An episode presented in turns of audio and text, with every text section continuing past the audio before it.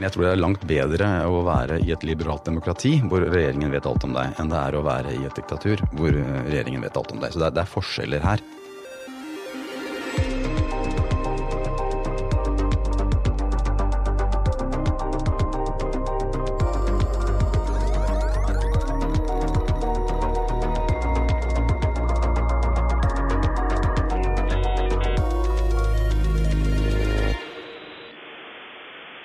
Jeg er Sebastian Storvik, det her er Dobbeltklikk. Dagens gjest det er Olav Lysne, som er informatiker, direktør for Simula Met og professor ved Oslo Met. Velkommen. Hjertelig takk. Det første jeg har lyst til å prate med deg om eh, når det gjelder overvåkning, for det er det som er dagens tema, det er et utsagn du eh, sa i, under Arendalsuka i fjor. Og det er vi er på vei inn i en tid hvor det er økonomisk og teknisk mulig å overvåke samtlige borgere 24 timer i døgnet. Om bare få år vil det til og med bli enkelt. Fortell litt om det. Ja, det kan jeg godt fortelle om. Det, det, det, dette er en følge av den digitale utviklingen. Og litt om de digitale strukturene som vi nå bygger landet vårt på.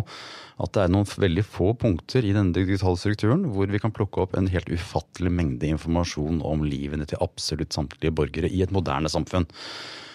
Og Det gjør at, at mulighetene for å samle inn informasjon om alle sammen er av en helt annen størrelse enn det har vært før. Altså, vi har jo Alle som har sett gamle spionromaner eller gamle spionfilmer, ser jo folk som klatrer opp i telefontårn og plasserer båndopptakere der for å høre, høre lytte av enkelttelefonsamtaler. Vi er jo ikke der lenger. Uh, alle spor som du etterlater deg digitalt i uh, nå, de samles på noen veldig få punkter, uh, og er derfor lette å samle opp for de som ønsker å gjøre det. Og så er det slik at Der har vi som samfunn aldri vært før. Dette skillet fra et samfunn som ikke hadde det sånn, til et samfunn som har det sånn, det skillet har vi nå. Og Det gjør at det forfaller en del beslutninger for, for myndigheter og for, for samfunn, og hvordan de skal forholde seg til dette. For dette har, har en voldsom potensielt for samfunnsendring, den kraften som ligger i dette. Mm, for nå driver jo da også stater med overvåkning til større og mindre grad. Mm. Og her i Norge har vi hatt en del prat om digitalt grenseforsvar, eller loven om tilrettelagt innhenting, som den så fint het sist. Riktig. Hvordan ligger vi an der?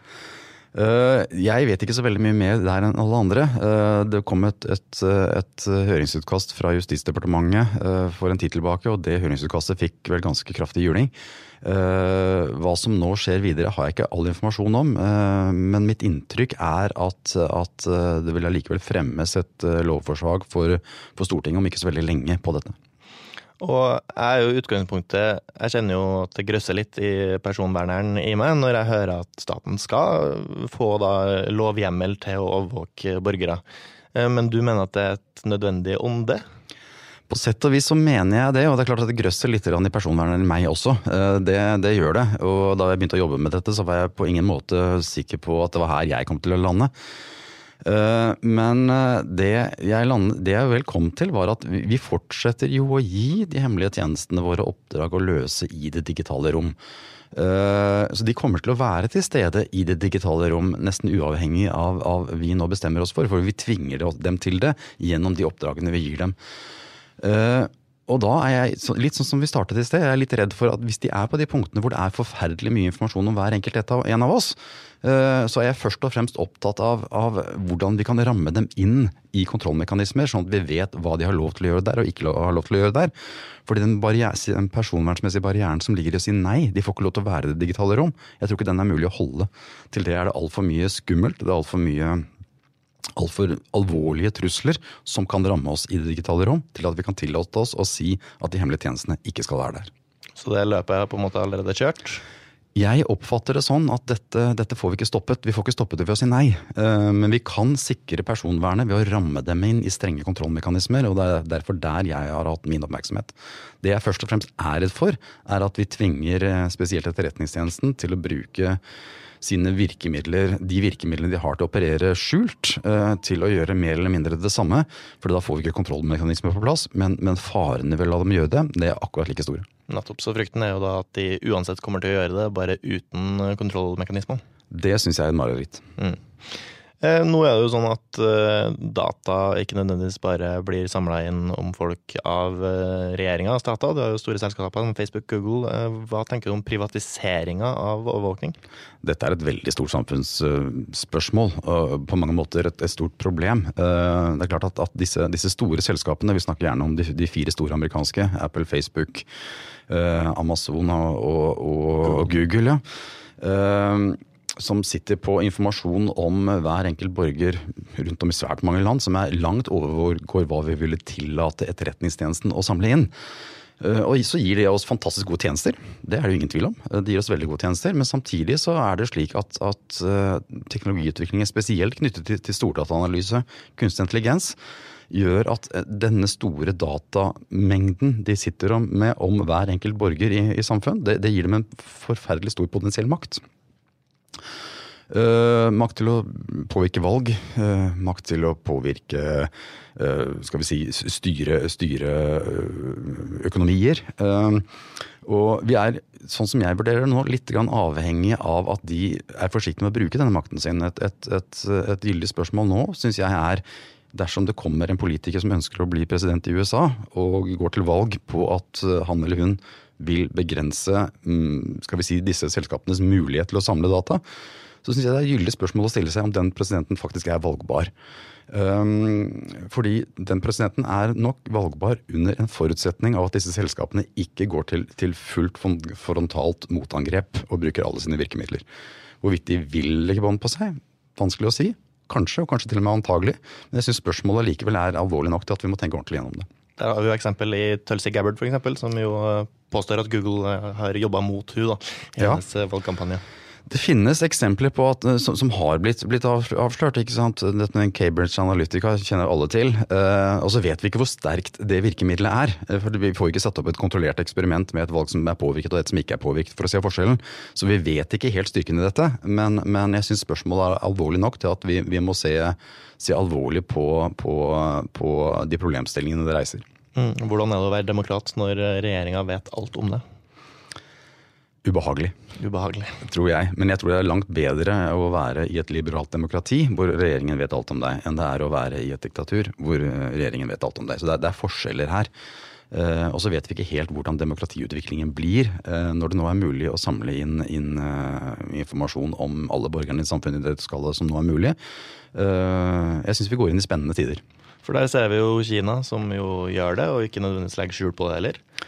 Det er helt riktig. altså Hvis vi tar utgangspunkt i den setningen du siterte meg på helt innledningsvis her, at det nå er mulig å, å samle inn informasjon om samtlige borgere i et samfunn 24 timer i døgnet, 365 dager i året, så kan det vel se ut som om Kina i større grad har sett på det som en mulighet enn som et problem.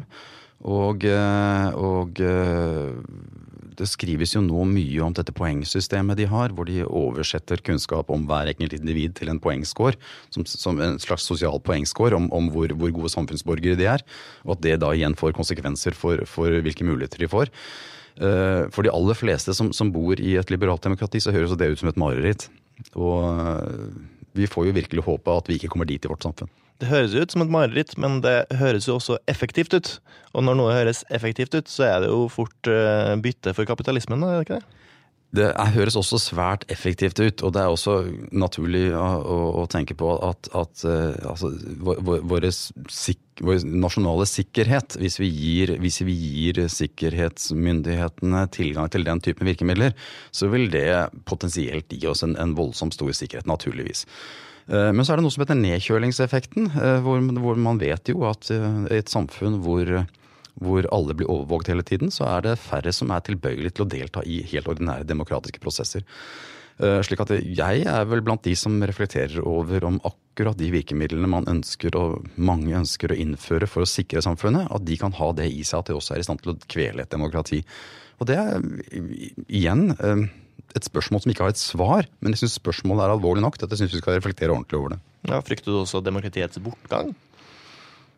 Nei, Der skal jeg være veldig forsiktig. Men jeg, jeg, jeg, tror at den tiden vi skal inn i nå, den vil endre demokratiet. Uh, og jeg er opptatt av at den skal endre demokratiet på en god måte. Uh, og så er det ikke helt opplagt hva som ligger i begrepet en god måte her. Men, men, at den vil endre samfunnet vårt. At den situasjonen vi nå er på vei inn i, hvor uh, individets mulighet til å holde på hemmeligheter er under sterkt press, den vil endre ganske mye. Og den vil også endre på demokratiet. Det tror jeg.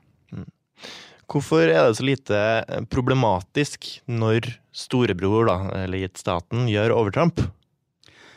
Jeg syns ikke det er lite problematisk i det hele tatt. Jeg syns det er nøyaktig like problematisk når staten gjør overtramp som når, når, når private gjør overtramp. Uh, Samtidig så er det slik at det er lettere for oss, iallfall igjen i et liberalt demokrati, å, å ramme inn staten i, i, i, i, kontrollmekanismer, lovverk, som følger tett med på hva de gjør og hva de ikke gjør. Vi synes å ha litt dårligere grep om hvordan vi, vi rammer inn de store internasjonale ikke-norske selskapene i hva de gjør og ikke gjør. Og så dette anser jeg som et, som et en problemstilling som, som er, iallfall hva gjelder, hva gjelder den private siden, et stort internasjonalt spørsmål. Det er lettere for oss som, som å, vurderer, vurderer stater å si at vi lever, vi lever i Norge, og vi er først og fremst opptatt av hva som skjer i Norge. For nå, altså I etterkant av, um, av Snowden-avsløringene så føler jeg at USA har på en måte ikke betalt noen pris for det. Regjeringa, det er ingen som måtte gå. Det, og nå ser det ut til at de fortsetter egentlig med det samme, bare at de kjøper informasjonen fra private aktører i stedet. Ja, nøyaktig hva som skjer av, overvåkningsmekanismer i USA er vanskelig. Debatten endret seg veldig eh, fra før og etter Snowden. Eh, der var det veldig mye som, som ble, ble si, tydeligere for folk. Uh, og vi har jo etter post Snowden så har vi jo sett en, en, en, en uh, liten strøm av saker hvor, hvor skal vi si, de, de, tilsvarende digitale grenseforsvarerne i forskjellige liberale demokratier rundt om, spesielt Europa, har blitt, blitt uh, trukket for, for, for retten. Og målt opp mot, mot Den europeiske menneskerettighetskommisjonen. Slik at det skjedde nok en oppvåkning eh, rundt, rundt, Snowden. Eh, og så er det jo slik at mange observerer det samme som, som deg. At eh, konsekvensen av dette det var jo ikke at noen måtte gå, men at Snowden måtte forlate USA. Så er det en, naturligvis en lang diskusjon hvorvidt, hvorvidt, hvorvidt, han er en helt eller en skurk. Jeg har ikke så veldig lyst til å gå inn i den, for den er ganske kompleks. Og så er et spørsmål som går på deg. Er det problematisk at du har vært i flere utvalg når det gjelder overvåking? Naturligvis på ingen måte. Det er jo bare en stor fordel. Eh, nei, men jeg skjønner hvorfor spørsmålet kommer. Uh, og altså, Jeg har vært stolt og glad hver gang jeg blir spurt, og så er det litt min, min jobb som professor å, å, si ja når samfunnet kaller meg til slike ting. Men det er, så er det naturligvis også slik at, at, jeg er ikke den eneste som kan gjøre den typen ting her i Norge. Og uh, det å få inn flere mennesker, flere perspektiver, med tankekraft, andre synspunkter inn i den typen roller, Eh, det syns jeg nok en, ville være en fordel. Eh, sånn at jeg skjønner hvorfor spørsmålet blir stilt. Og, men jeg vil fortsette å, å si ja hver gang det blir kalt på. Det gjør jeg nok. Tusen takk for at eh, du kom, Olaf. Hjertelig takk.